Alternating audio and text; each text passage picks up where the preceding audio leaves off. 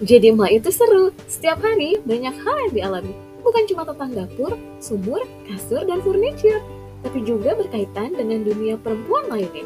Bersama saya Erni Arisusanti, kita akan bahas tentang dunia perempuan versi emak-emak dengan cara yang asyik. Tanpa menggurui, apalagi menghakimi. Ciamik, cuap-cuap, emak asik.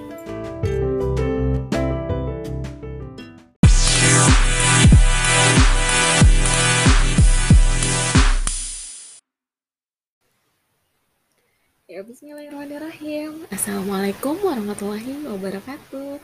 Hai Ma Asyik, apa kabarnya hari ini? Semoga tetap bersemangat menjalani peran apa pun. Karena tidak ada peran yang kecil ya. Nah, di episode kali ini saya akan membahas tentang inklusif. Kata inklusif sendiri berasal dari kata inclusion yang artinya mengajak masuk atau mengikut sertakan kalau bisa disimpulkan ya, intinya itu sebagai makhluk sosial yang butuh lingkungan sekitar, kita bisa saling menghargai dan merangkul setiap perbedaan tanpa terkecuali.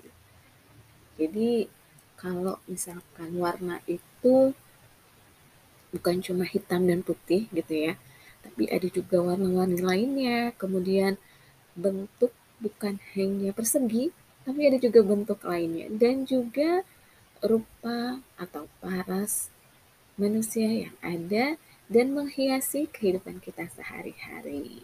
Gimana? Sudah kebayang tentang arti inklusi itu sendiri?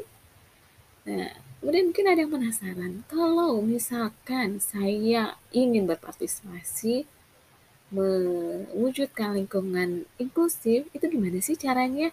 Nah, dikutip dari penjelasan di Facebook bootcamp Duta Inklusif 2002, 2022 gitu ya. Jadi ceritanya saya bergabung menjadi duta inklusif dan dijelaskan gitu ya bahwa poin atau cara kita bisa berpartisipasi itu ada lima, lima poin ya. Pertama, memahami sudut pandang yang berbeda. Nah, seperti yang tadi saya bilang bahwa di dunia ini warna itu bukan cuma hitam dan putih gitu ya, tapi ada juga warna-warni lainnya. Dan inilah yang membuat kita harus memahami gitu ya, bahwa bisa jadi orang melihat ini hitam, tapi kita melihat ini putih. Orang lain melihat ini warna merah misalkan. Nah, itu. Yang pertama adalah memahami sudut pandang yang berbeda. Kemudian yang kedua adalah percaya bahwa semua orang terlahir dengan derajat yang sama jelas dong di Al-Quran juga disebutkan bahwa manusia yang satu dengan yang lain itu sama. Hanya yang membedakan adalah amal dan ketakwaannya. Gitu ya. Jadi nggak boleh tuh ada yang merendahkan atau meremehkan orang lain, kemudian mengucilkan peran orang lain. Nah, itu nggak boleh banget. Kemudian yang ketiga adalah mencoba memahami latar belakang setiap orang.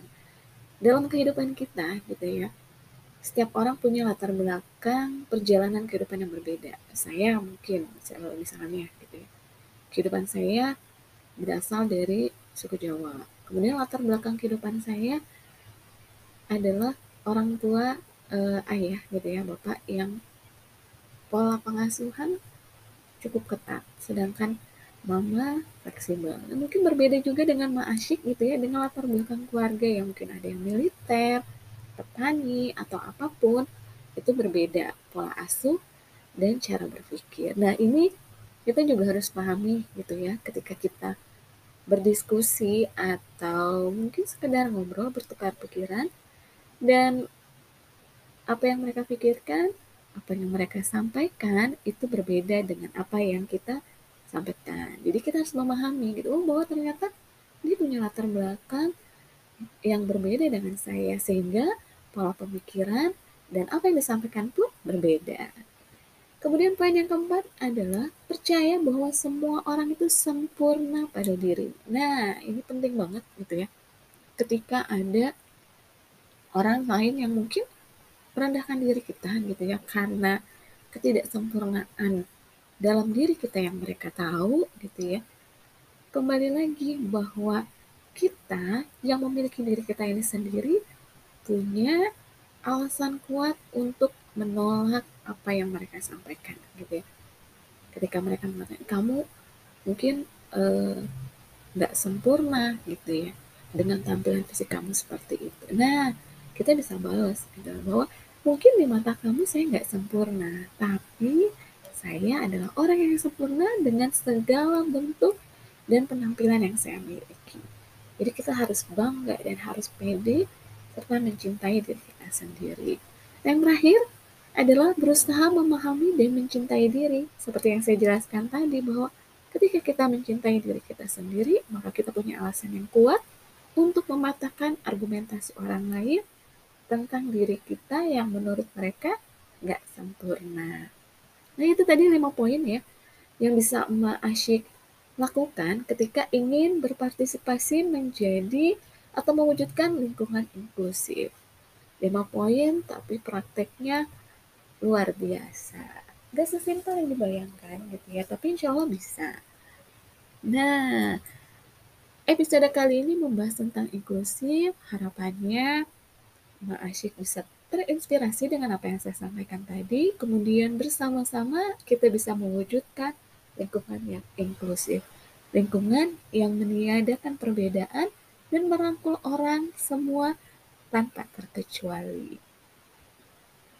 Oke, okay, episode kali ini cukup sampai di sini. Nantikan episode berikutnya. Semoga menginspirasi Ma'asyik semua. Tetap di Ciamik ya, dan nantikan episode lainnya.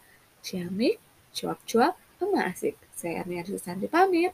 Wassalamualaikum warahmatullahi wabarakatuh.